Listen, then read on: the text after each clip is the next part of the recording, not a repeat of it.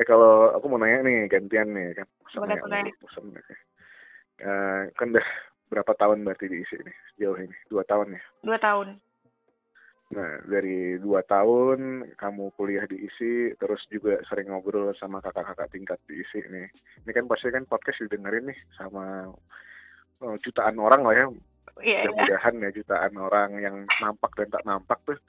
Nah, eh, kira-kira ada ini ya sih eh, mata kuliah apa sih yang seharusnya ada di ISI atau ISI harusnya memperbaiki mata kuliahnya gimana gitu loh. Kalau aku sih, kalau menurut aku ya, Hmm. aku pengennya ada mata kuliah eh, interior Nusantara, ada nggak mas? Ah, ada, masa nggak ada?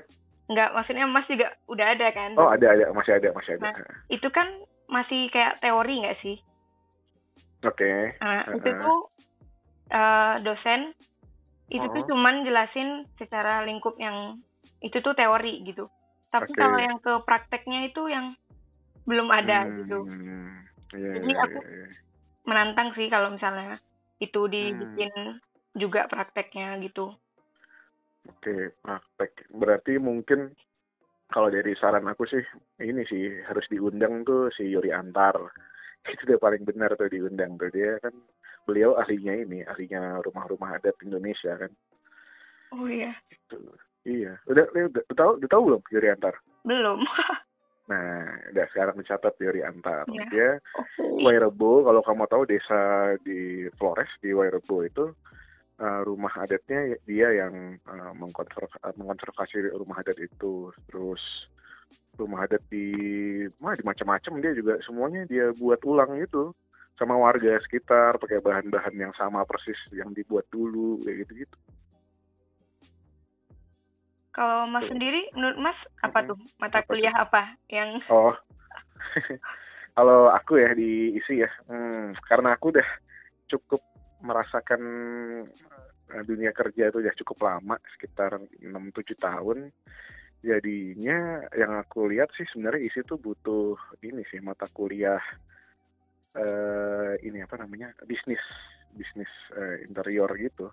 kan Oh, sebenarnya iya. udah ada kan kewirausahaan ya cuma kok waktu dulu sih ingat tuh kok wira kewirausahaan tuh belajarnya belajar presentasi ya kalau nggak salah ya Kalau sekarang lebih Itu- ke ikut PKM PKM gitu loh Mas. apa tuh Kayak program kita bikin karya terus nanti dibimbing terus kalau misalnya Heeh. lolos lagi nanti dibiayain sama pemerintah untuk mewujudkan ide atau gagasan kita itu. wih itu udah lumayan tuh udah bagus tuh kalau Iya. menurut aku dulu kagak ada kayak gitu Temen saya ada yang lolos kok Mas, namanya Fadila. hmm, bagus bagus nah kalau aku dulu tuh singkatnya kewirausahaan tuh belajar apa ya Bi- ini kayak bikin bikin presentasi gitu deh kayaknya aku aja sampai itu mata kuliah nggak berkesan gitu aku sampai lupa itu mata kuliah ngapain gitu karena sama sekali nggak diajarin gimana sih kalau emang kita dicetak buat eh, bisa milih untuk menjadi pekerja atau jadi pebisnis ya at least kita harus tahu nih pakemnya gimana kalau kita mau buat bisnis interior gitu terus eh, kalau bisnis interior tuh kita cara ngitungnya gimana kan udah ada sebenarnya mata kuliah apa RAB kalau nggak salah ya Oh iya iya iya. ada. lupa aku. Mm-mm. Itu mata Bagian- kuliah RAB juga dulu aku lupa juga. Kayaknya gue belajar RAB itu bukan dari isi, dari kerja, masih dunia kerja. Ya jujur saya ya juga mungkin sekarang udah berkembang sih. Nah itu kan. Namanya Nah, iya. manajemen manajemen proi eh manajemen apa? Karena gini, gini loh, Dek. Maksudnya kalau seingat aku dulu yang paling aku berkesan tuh waktu mata kuliah RAB itu disuruh ngitungin harga sekrup. Wah itu tuh lucu deh pokoknya. Nah sementara di dunia kerja yang ngitungin sekrup itu cuma eh, bendaharanya yang kerja di workshop tukang gitu loh, kasarannya gitu lah. Nah sementara kita kan desainer kan kita cuma mau tahu harga satu kursi ini berapa. Nah ya, kalau yang sekarang atau enggak let's say kabinet dapur gitu ya. Ya berarti kita pecahnya pintu dapur berapa bodinya berapa NSL mau pakai apa pasangnya tekniknya pakai apa mau mau ada lampu LED apa enggak selesai gitu kan. Nah itu it- per item tuh dihitung semua berapa rupiah gitu. Nah kalau dulu sekrup lem HPL ini kita kan maksudnya nggak mikirin kayak gitu gitu. Maksudnya kenapa nggak coba lebih eh, yang yang praktikal aja gitu loh. Jadi ngajarin sesuatu yang memang di dunia kerja yang akan kita hadapi itu kepake gitu loh. Bukan yang textbook banget gitu. Karena kalau menurut aku sampai ngitung sekrup tuh sangat textbook sih. Benar-benar berarti gitu. kesimpulannya ya mata kuliah yang benar-benar dipakai itu malah kurang kurang Mm-mm. ngertiin sama mahasiswa gitu ya? Dulu nggak tahu kalau sekarang udah enggak kan ya bagus deh. Sekarang alhamdulillah sih kalau yang masalah RAB itu udah Oh. bener kok. Oh oke oke oke. Terus Mas- Hmm. Mas Denis tuh Hmm, termasuk orang yang produktif nggak? Waduh menilai diri sendiri ini. Iya. Orang yang produktif nggak? Eh, mungkin eh, aku rubah sih eh, produktif nggak ya? Aku gini sih aku lebih ngelihat aku tuh orang yang nggak peduli sama let's nilai nggak peduli sama komentar orang nggak peduli sama apa pun. Yang penting aku puas dengan karyaku aja gitu. Kayak eh, dulu ya ini sharing aja sih. Dulu tuh eh, ada mahasiswa-mahasiswa itu yang uh, getol banget ngejar nilai nilai nilai sampai akhirnya mungkin dia nggak memberikan informasi ke temennya soal ada update apa dan ya bermainnya Ya, kayak gitulah Ya, caranya. Masih ada lah ya kayak gitu. Nah kalau aku tuh nggak nggak peduli. Eh mau lihat tugas lu? Kasih. Mau nyontek? Kasih. Mau lihat apa ini ini lu? Kasih. Dah apa pun kasih aja gitu. Ya maksudnya eh, karena kita tuh sebagai pekerja seni desain gitu outputnya tuh bukan angka tapi seberapa puas lu dengan karya lu gitu loh harusnya karena Hmm. angka itu kan penilaian dari orang dari dosen gitu loh. Sementara mungkin ya kita yang lebih tahu karya kita dan terbukti. Dengan aku tuh dan beberapa temanku juga kayak gitu. Kayak udahlah yang penting kita kerjain kita puas. Kita mampunya segitu ya kasih semaksimalnya mungkin. Yang penting kita puas nanti hasilnya akan mengikuti dan terbukti. Maksudnya hal-hal apa mata kuliah mata kuliah yang aku eh, kerjain dengan sepenuh hati itu jadi nilainya juga bagus juga. Bahkan lebih bagus daripada orang yang bermain culas kayak tadi gitu loh. Iya bener-bener. Iya sih. Gitu. Aku juga sama teman-temanku adalah teman deket gitu kan. Ya udah. Hmm, terus kamu culas? Oh enggak ya? Oh enggak. Udah lewat deadline tapi bener-bener belum seret gitu loh sama desain Mm-mm, gitu. mm-mm, mm-mm, ya udah de- relain deadline aja demi yang mm-mm, maksimal gitu. Mm-mm.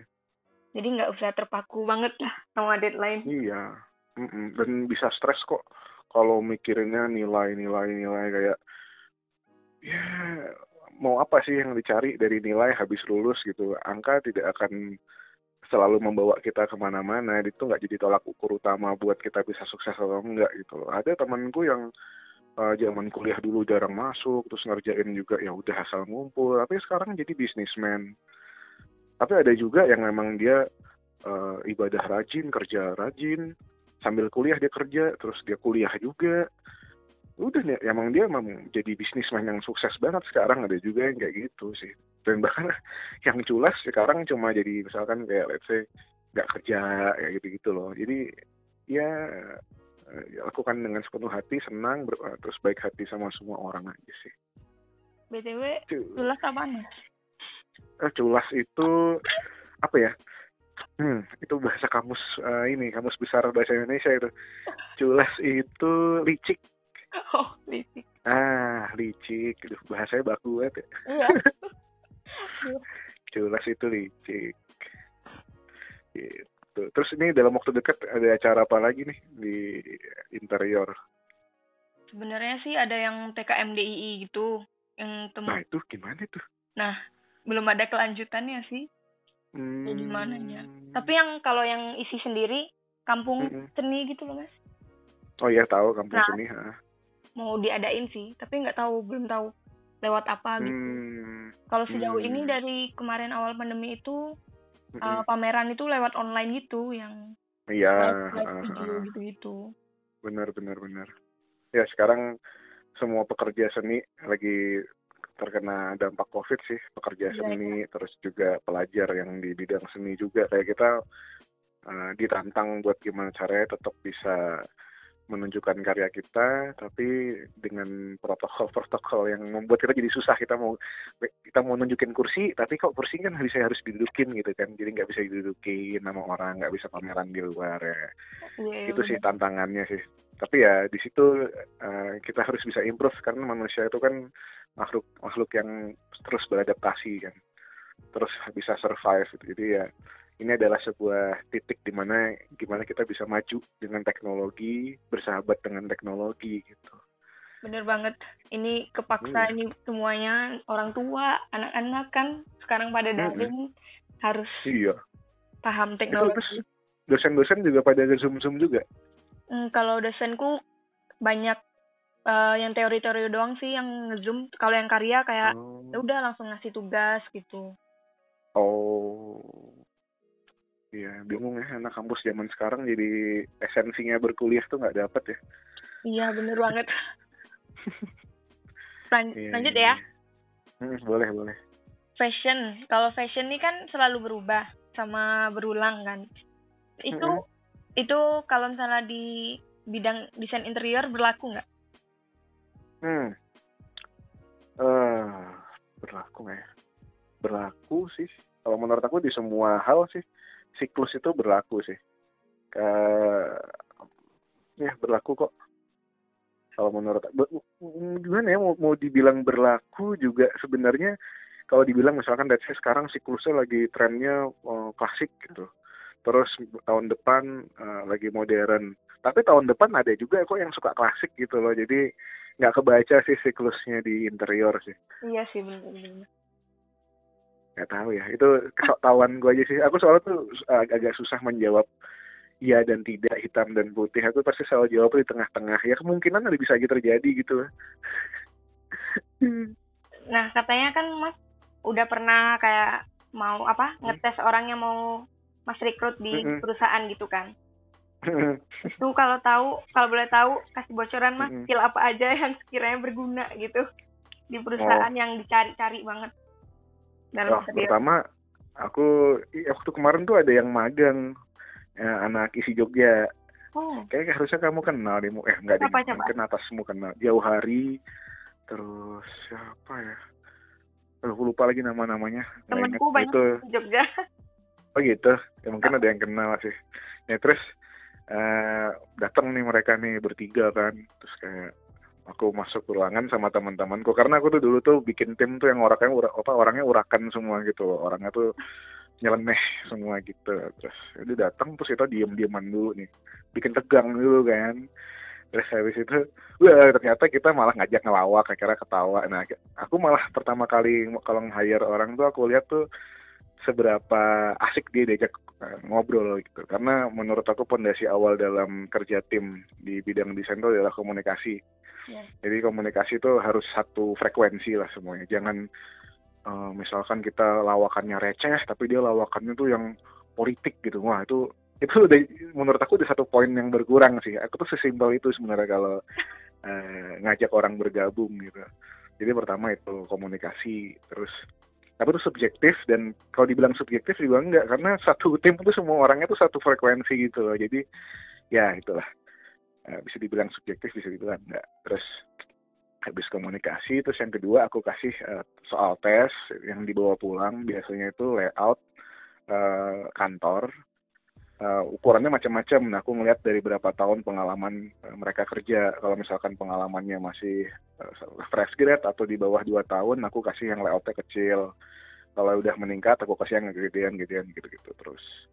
Dah, nah terus dari soal tes itu yang aku lihat itu gimana pemecahan masalah dari layoutnya. Karena menurut aku sebagus-bagusnya 3D, kalau layoutnya itu tidak uh, menyesuaikan dengan kebutuhan dan menyelesaikan permasalahan klien ya sama aja bohong. Percuma tuh 3D bagus-bagus doang tuh cuma kosmetik doang gitu. Anggapannya kayak orang make upannya tebel tapi dia tuh orangnya jahat gitu misalkan kayak gitu. Sesimpel kayak gitu. Jadi itu sih. Aku pertama ngeliat dari layout aku liat layoutnya kayak make sense nggak? Misalkan kayak ini baru masuk resepsionis kok belakangnya dapur. Nah kayak gitu kan udah mulai aneh gitu kan. Ya, nah tapi terus habis itu aku aku panggil aku tanya ini layoutnya coba jelasin gitu. Terus dia jelasin. Nah kalau misalkan ternyata yang menurut aku aneh itu tapi idenya dia itu yang out of the box nah aku pasti wah ini nih di luar perspektif yang aku pikirin gitu loh. Jadi itu bisa jadi poin plus juga jadi itu yang kedua yang aku lihat tuh pemecahan masalah dan ide dia gitu. Terus yang ketiga baru itu skill software, tapi itu aku taruh paling terakhir karena itu tadi aku dulu uh, berangkat dari seseorang yang tidak jago dengan software gitu dan pada akhirnya sekarang bisa jadi ya menurut aku kalau nge-hire seseorang tuh jangan dilihat dari lu bisa 3D Max atau enggak, lu bisa SketchUp atau enggak, jangan. Orang tuh bisa belajar soalnya.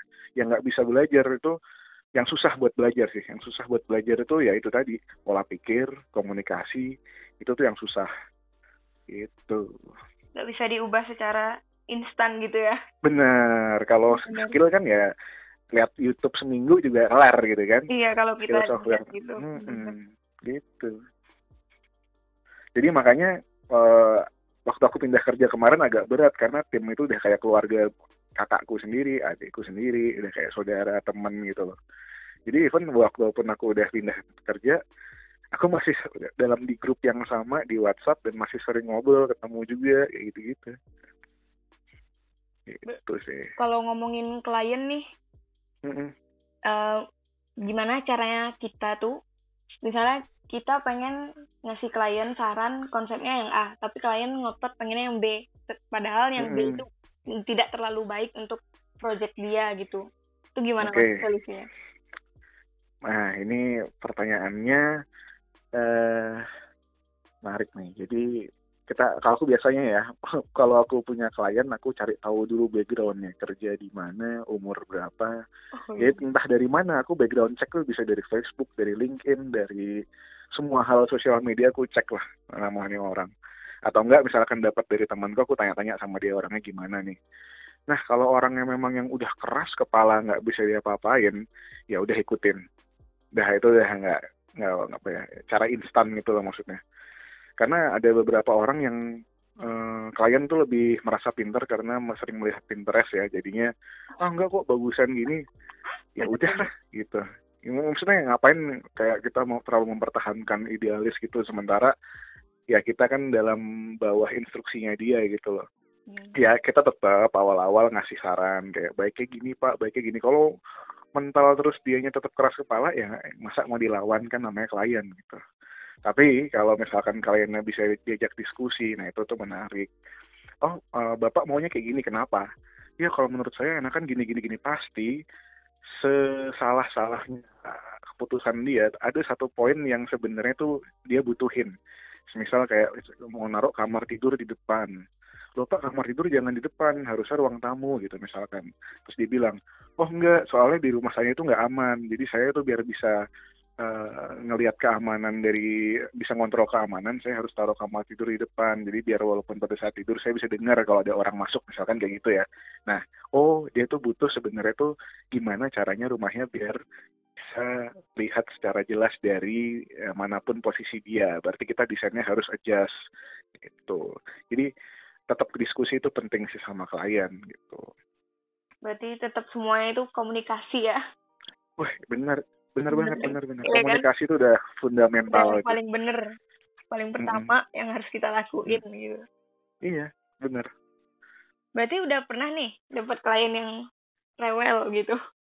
Oh mbak. Waduh mau ibu-ibu ibu-ibu koboi. Itu kalau di dalam dunia kerja itu namanya ibu-ibu koboi. Jadi yang benar-benar ibu-ibu terus suaminya ngasih duit mah pokoknya ini saya mau renovasi ini. Oke okay, gitu kan. Terus telepon uh, mencari desainer. Terus ya udah yang ngurusin istrinya gitu. Nah udah istrinya ribut nih. Tuh mas saya mau A ya, itu kan namanya juga ibu-ibu ya. Ngobrol sama ibu lain bu nggak bagus bu desain kayak gitu? Mendingan yang kayak ini. Wah itu tiap hari bisa ganti ganti ganti terus kan. Belum tuh udah deal sama Hah? udah deal sama ibunya nih bapaknya datang loh kok kayak gini mah papa nggak suka wah udah buyar deh ada kayak gitu ceritain dong satu detail itu lagi ngerjain uh, apa tuh? Hmm, yang dulu tuh rumah sih. Pokoknya kalau aku sih pribadi yang kalian yang paling ribet itu adalah residensial. Kalau menurut aku pribadi ya. Hmm. Ya ribet bukan semuanya ribet, tapi at least dia punya uh, apa ya punya sisi emosional yang harus dia luapin di desain rumah itu gitu. Kayak dia punya keinginan dari kecil pengen rumah ABC harus diterapin. Misalkan waktu kecil dia suka dinding warna kuning ya harus warna kuning misalkan kayak gitu loh dia itu punya sisi emosional lah di dalam rumah itu. Nah itu jadi waktu dulu tuh uh, kasusnya adalah suami dan istri itu punya keinginan masing-masing.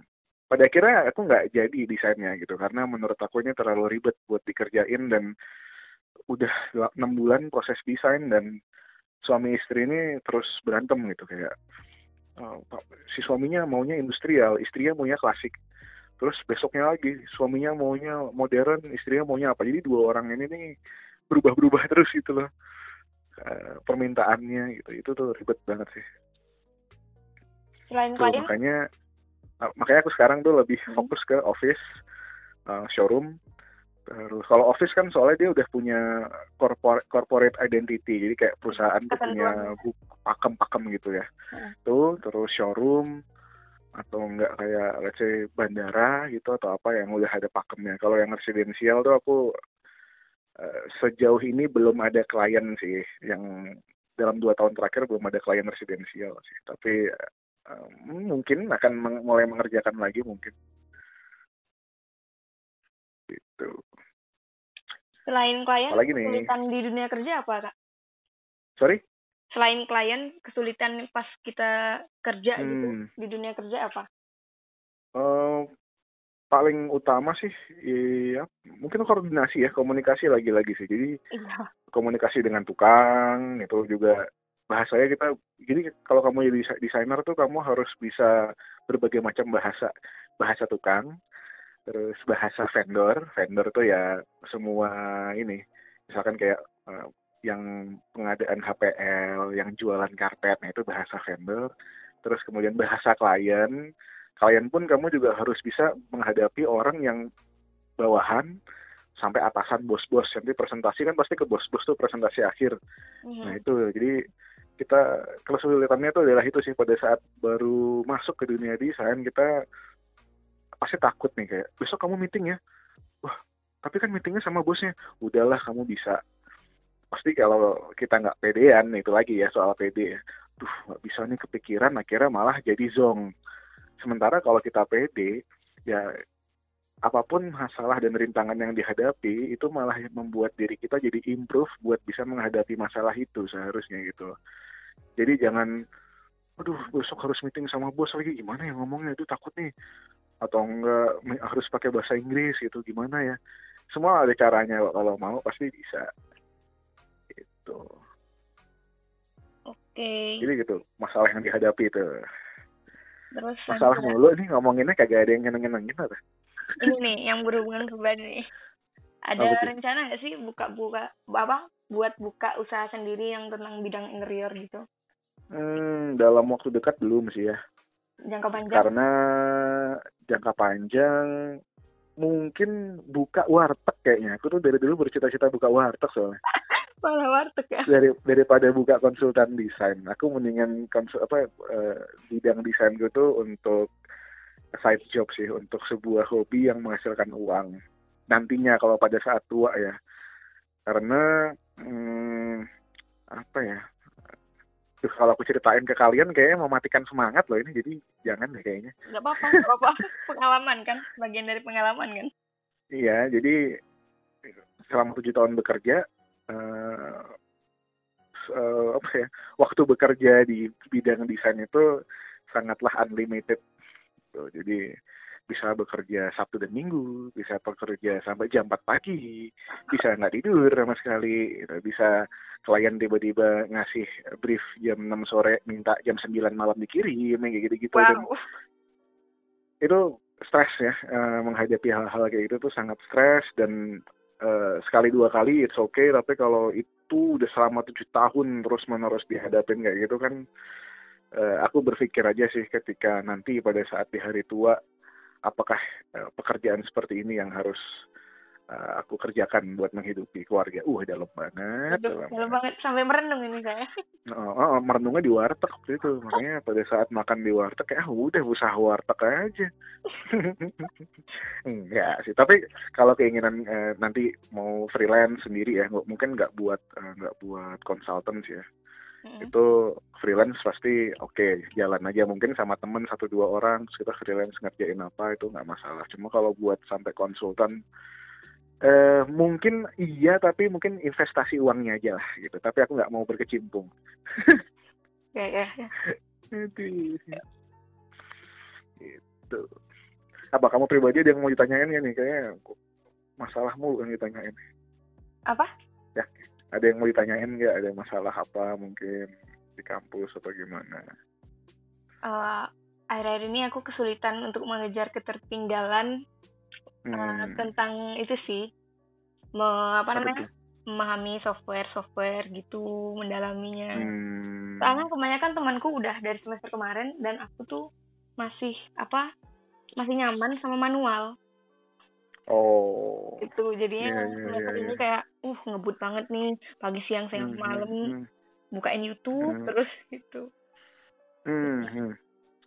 Ya kalau untuk di ranah kampus kan soalnya kita nggak bisa terlalu banyak uh, memaksakan apa yang kita mau ya. Karena kan ya lagi-lagi walaupun angka itu nggak penting tapi ya kita harus mengikuti. Misalkan masa kita mata kuliah komputer bikin SketchUp kita ngasihnya uh, sketsa tangan kan nggak mungkin gitu kan kan lucu juga gitu. Jadi ya memang ada beberapa hal yang harus kita sebagai desainer bisa kompromi sih. Itu ya. Tapi itu sebenarnya kalau kamu kalau kamu merasa ter tertinggal nih misalnya tertinggal dari teman-temanmu gitu jangan fokus di masalah terket apa kamu tertinggal gitu jangan. Fokusnya gimana cara ngajarnya gitu. Iya, iya benar-benar. Karena aku aku dulu juga kayak gitu kayak aduh gimana nih uh, yang lain udah pada ngumpulin nih aku belum nih gimana? Ya fokusnya kan di situ dipikirin sampai stres malah bingung gitu ngapain. Yang harus dipikirin wah ketinggalan nih ngajarnya gimana ya? Iya, sekarang apalagi zaman sekarang ya YouTube tuh dulu di YouTube aku tutorial paling cuma 5 6 video gitu ya. Kalau iya. sekarang mau tutorial di TikTok juga ada kayak SketchUp yakin. bener bener pernah lihat kok aku. Iya kan? Pernah iya, sekarang tuh apa ya? Nah, kemarin aku sempat ngobrol sama siapa ya waktu pameran interior kemarin sempat diskusi juga bareng di Zoom sama Nakisi. Mm -hmm. Itu hmm, sempat aku bilang kayak di generasi bukan generasi sih di masa kalian kuliah ini kalian kalian ini sangat diuntungkan gitu karena mau cari tahu apa dari A sampai Z ada gitu. Ya kalau aku dan ke belakang itu mau cari tahu apa juga susah kayak zaman dulu mungkin industrial tuh apa nggak tahu harus beli buku harus lihat Tumblr pasti kamu nggak tahu Tumblr? Tahu sih. Oh tahu sempat tahu ya?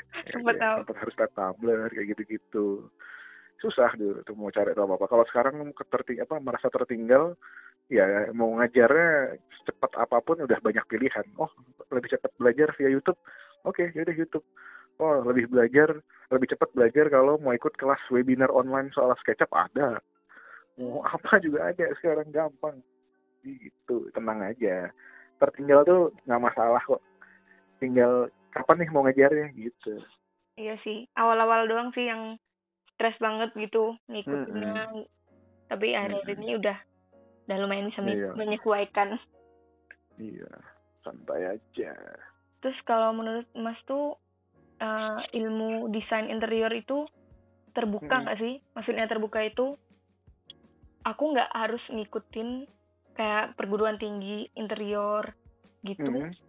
tapi otodidak gitu cuman bisa membaca apa gimana bisa nggak? Hmm, bisa. Ya, karena ini agak serius ya. Ini karena di interior tuh nggak kayak di arsitek. Kalau di arsitek itu kita ada IAI ya, dan IAI itu bukan hanya lembaga tapi juga itu ada ada apa ya dinaungi hukum juga gitu. Jadi kita kalau mau bangun proyek apa harus ada sertifikasinya, ada tingkatannya juga.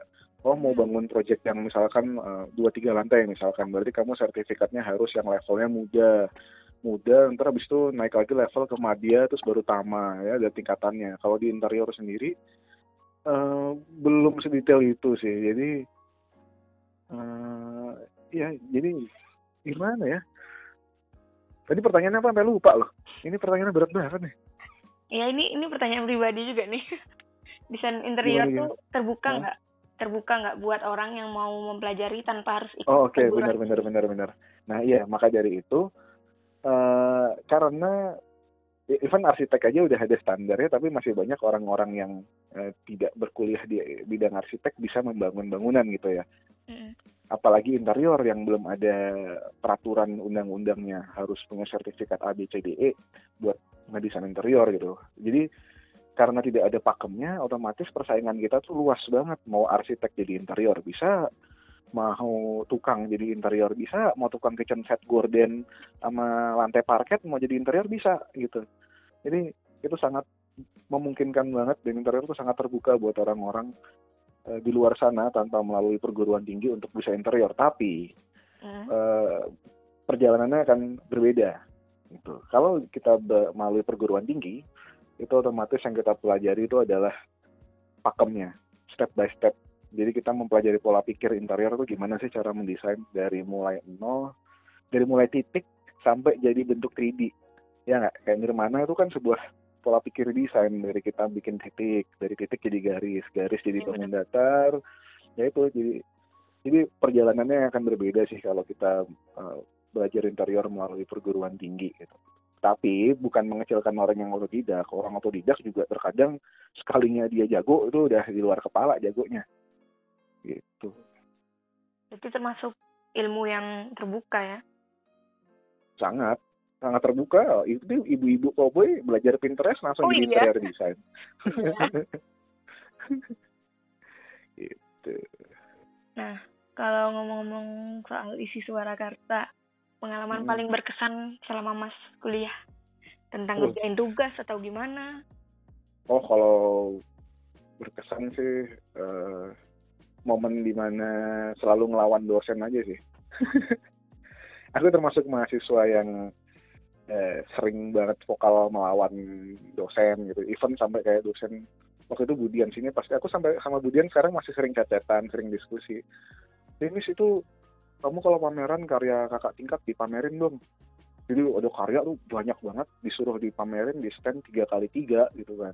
Mm. Terus ya sorry itu saya tapi aku kayak ngeliatnya kayak waduh bu kok nggak sesuai bu maksudnya kita udah desain standnya oke oke gini tapi yang dipamerin kok maksudnya nggak sesuai dengan style yang kita tampilin gitu lo kan jadi bisa ngerusak sebuah display pameran gitu ya. Ya benar benar. Jadi kan kalau kita kalau kita ngedesain display kan udah tahu nih, oh ini enaknya pamerinnya benda ini, ini enaknya pamerin benda ini.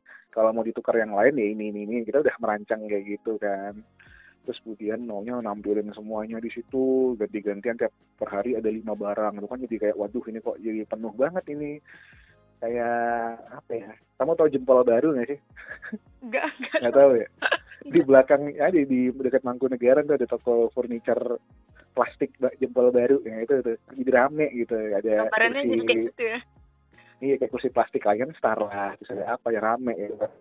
Terus hmm. buat gitu akhirnya jadi ini jadi berantem terus ya mungkin Budian jadi kayak gak suka gitu kayak Dennis ini keras kepala banget jadi orang ya. itu itu momen-momen kayak gitu tuh yang sebenarnya eh, berkesan sih buat aku sih karena apa ya eh emang aku tuh orangnya suka yang oke okay, gue membuat masalah tapi di satu sisi gue juga uh, let's say berprestasi ya gitu ya jadi membuat orang tuh bingung kayak ini anak pengen gue hukum tapi kok dia kok nilainya bagus ya. Gimana ya? Kayak gitu lah maksudnya. Eh, seneng gue gitu. Bener-bener. Tuh terus sih kayak gitu sih masa-masa kuliah. Terakhir ke isi Surakarta kapan mas? Waduh.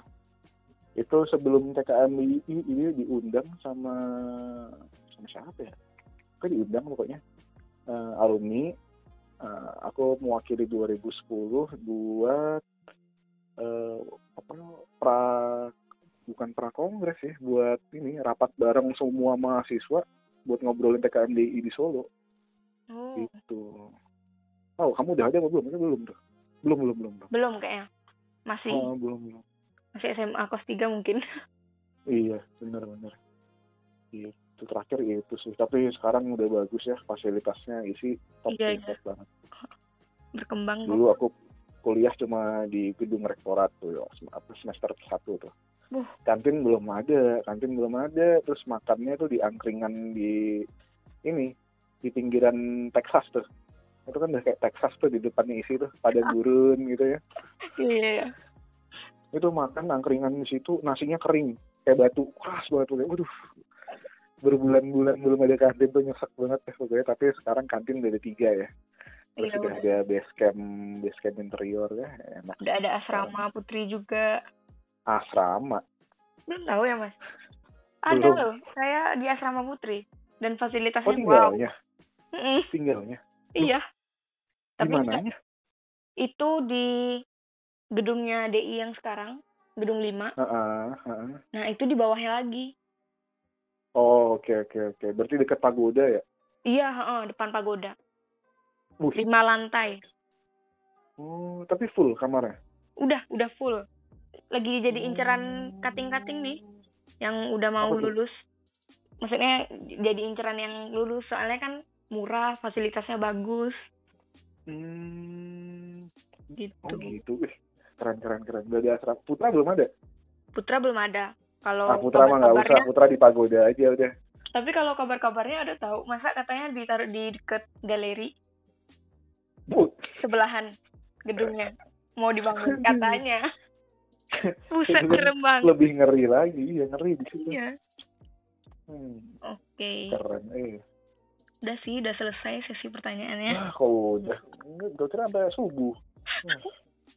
Bikin lagi dong nih listnya nanti. Oke. Okay. Udah nggak ada lagi pertanyaannya lagi nih. Udah nggak ada.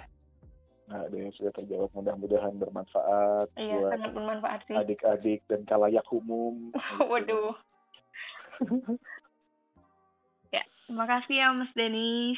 Yuk, yuk, yuk, sama-sama. Terima kasih juga udah dikasih kesempatan nih buat ngobrol di sini. Jadi bisa tahu nih sekarang kondisi kampus kayak apa. Ternyata udah berkembang jadi ya senang juga sih. Ya, pesan dari sih mudah-mudahan di masa pandemi ini tidak mengurungkan niat kalian untuk berkreasi.